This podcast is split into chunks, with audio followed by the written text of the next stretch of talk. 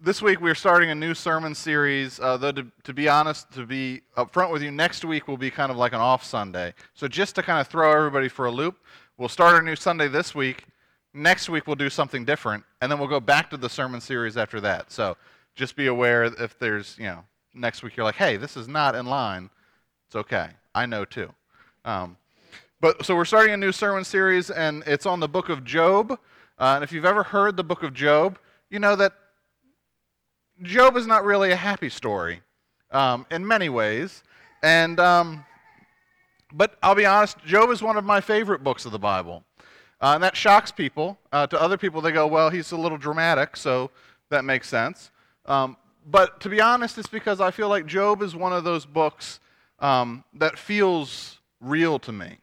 Um, I feel like it's a story that most of us, if not all of us, can relate to at some point in our life. Um, maybe not fully, because uh, things get pretty bad for Job. Uh, but the feelings that Job goes through and, and the frustrations that he has uh, feel like things uh, that many of us have probably gone through in our lives as well. Um, and so we begin this morning um, with a story. Well, I was hoping to go down the road of Job being faithful in the midst of pain. Um, but as we read this morning, and you'll see, uh, I could not get the words of Job's wife out of my head.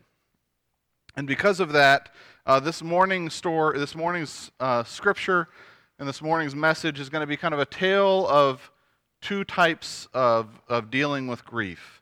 Um, and so we'll look at those two this morning, and we'll begin with Job uh, chapter 1, verse 1, and then chapter 2, verses 1 through 13.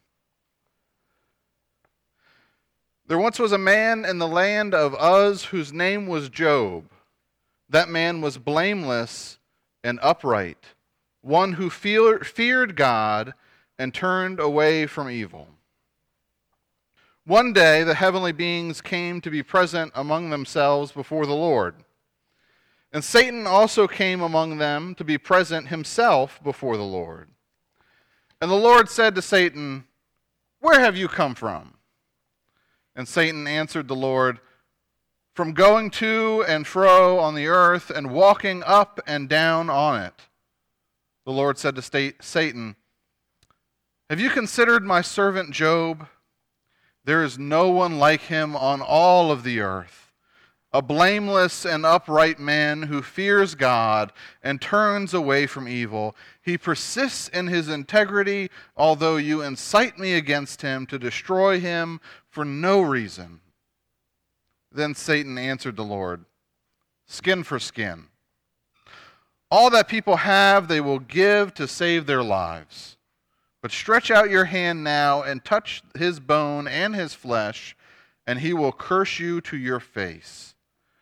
The Lord said to Satan, Very well, he is in your power, only spare his life. So Satan went out from the presence of the Lord and inflict, inflicted loathsome sores on Job from the sole of his foot to the crown of his head. And Job took a potsherd with which to scrape himself and sat among the ashes. Then his wife said to him, do you still persist in your integrity? Curse God and die. But he said to her, You speak as any foolish woman would speak. Shall we receive the good at the hand of God and not also receive the bad? In all of this, Job did not sin with his lips. Now Job's three friends heard of all of his troubles, and they came upon him at once. Each of them set out from his home. Eliphaz from Temanth, Bildad the Shuhite, and Zophar the Naamathite. They met together to go and to console and to comfort him. And when they saw him from a distance, they did not recognize him. And they raised their voices and they wept aloud and they tore their robes and threw dust up in the air upon their heads. And they sat with him on the ground seven days and seven nights, and no one spoke a word to him, for they saw that he was suffering very greatly. It's the word of God for the people of God. Thanks be to God. We didn't read this uh, the text from chapter one this morning of Job. Um, before you think that sores and illness was all Job had to deal with, I want to kind of recap a little bit of chapter one for you. Before the sores and the pains, Job had to face everything being taken from him. The Sabeans came and they stole all of his oxen and donkeys, and they killed his servants. Then a fire burned up all of the sheep and the servants who cared for them. Then the Chaldeans stole all of his camels and killed the servants that cared for them. And then a great wind came and destroyed the house which his sons and daughters and their servants were staying in. And all of his sons and all of his daughters were killed as well. With all of that pain and all of that loss, Job's response was Naked I came from my mother's womb, and naked I shall return there.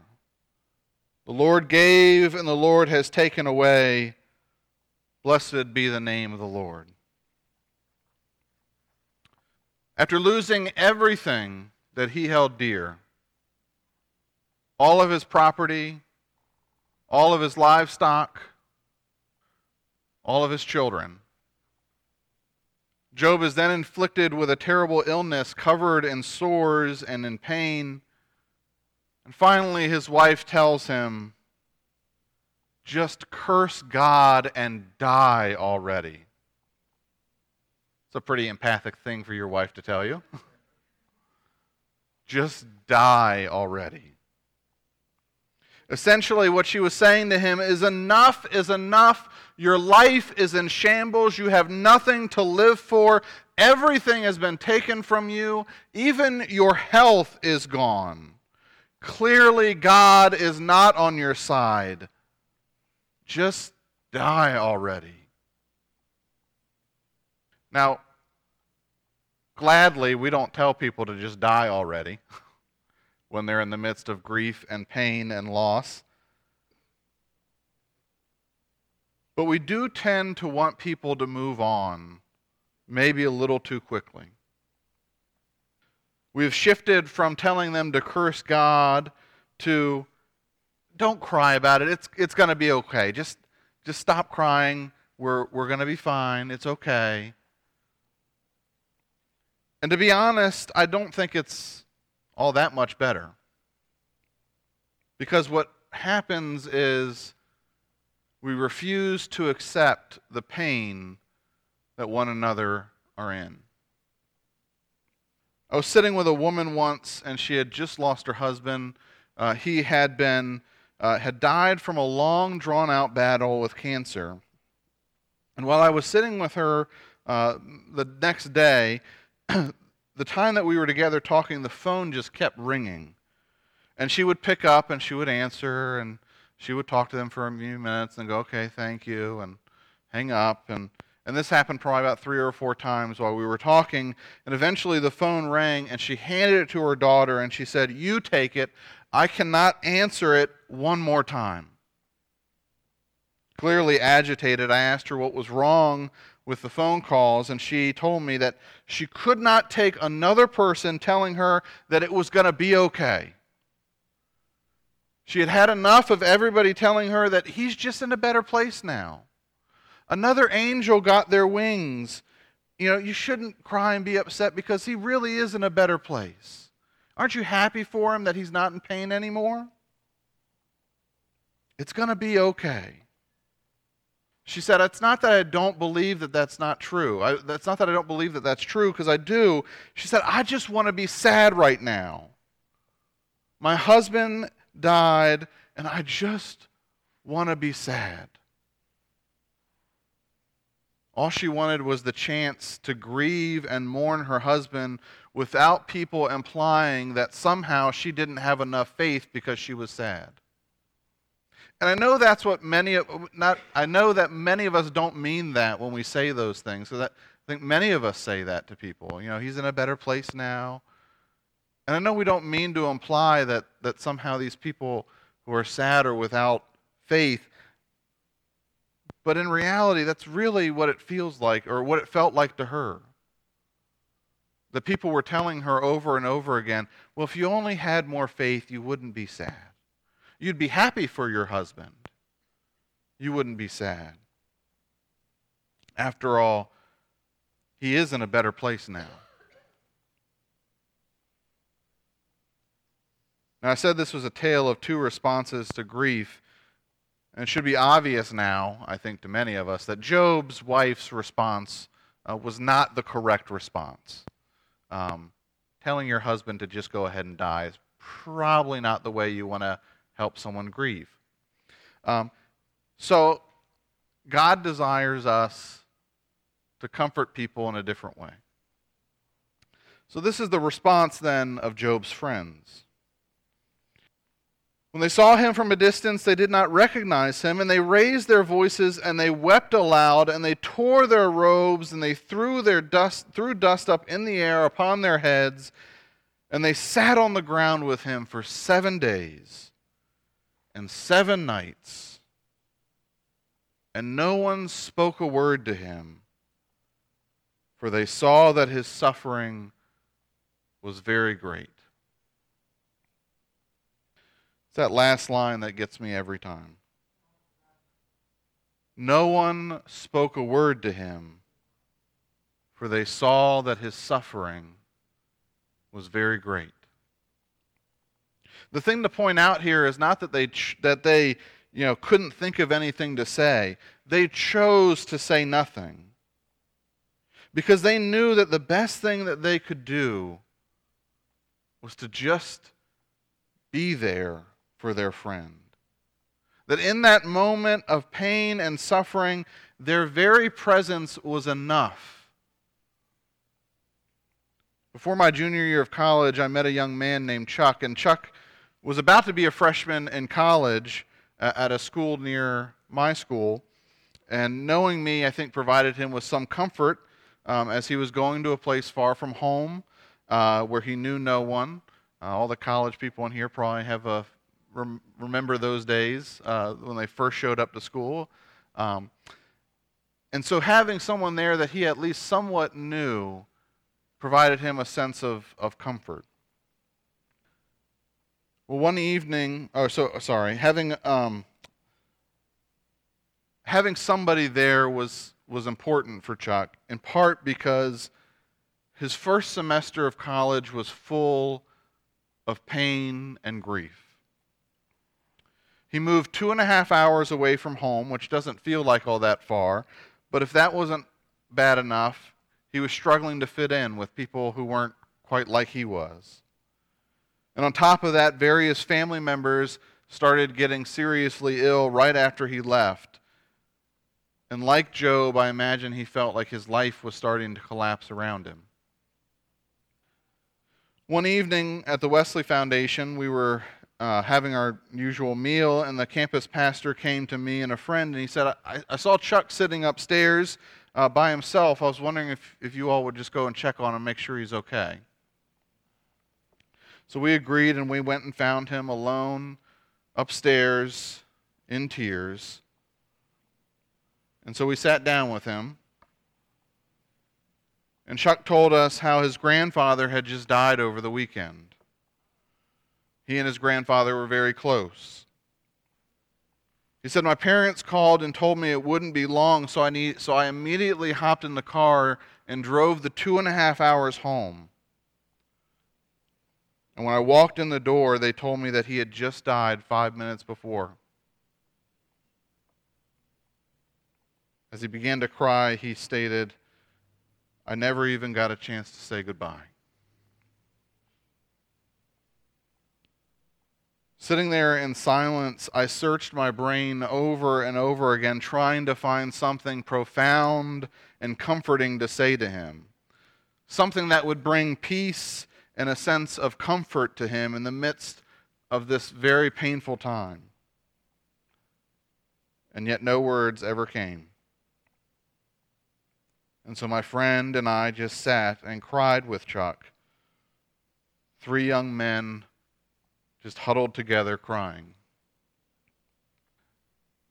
At this point, I was already planning on going to seminary, I was planning on becoming a pastor.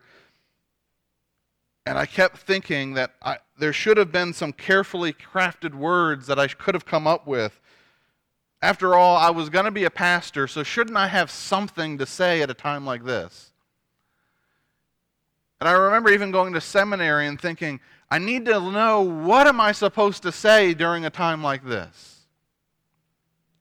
What am I supposed to say to people after they've lost someone that they have loved their whole life? But what I came to realize since then, after seminary and just life as a pastor, is that there was nothing I could have said that would have brought him any more peace or any more comfort than to just be there with him, to just allow him the chance to grieve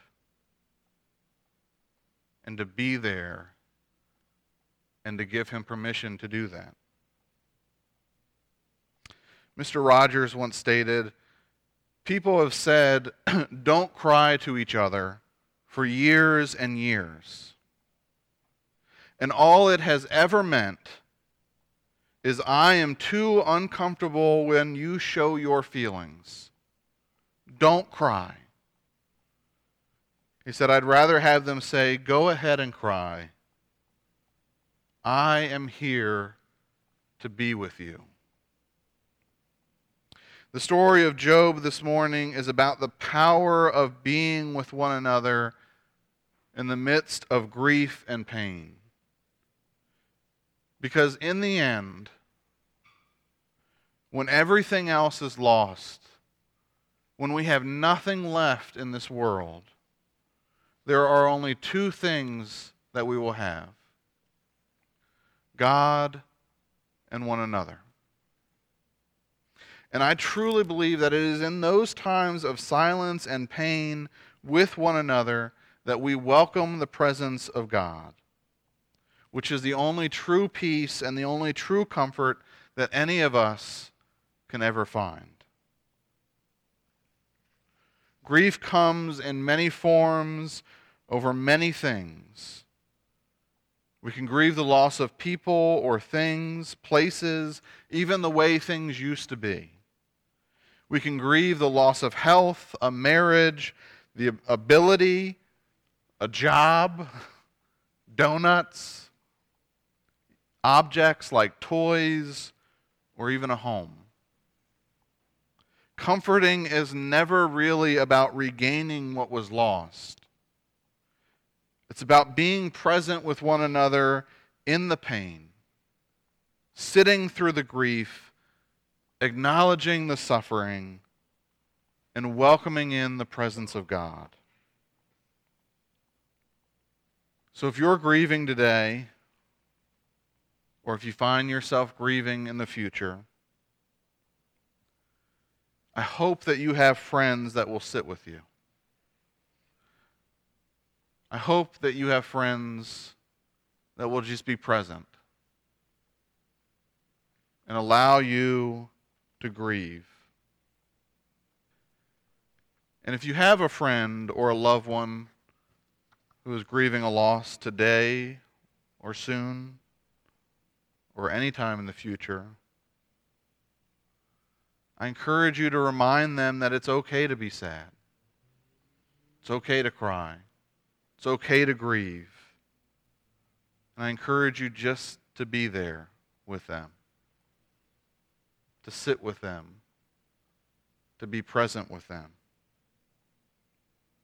There are no magic words that I can give you there is only a compassionate people willing to sit in pain with one another.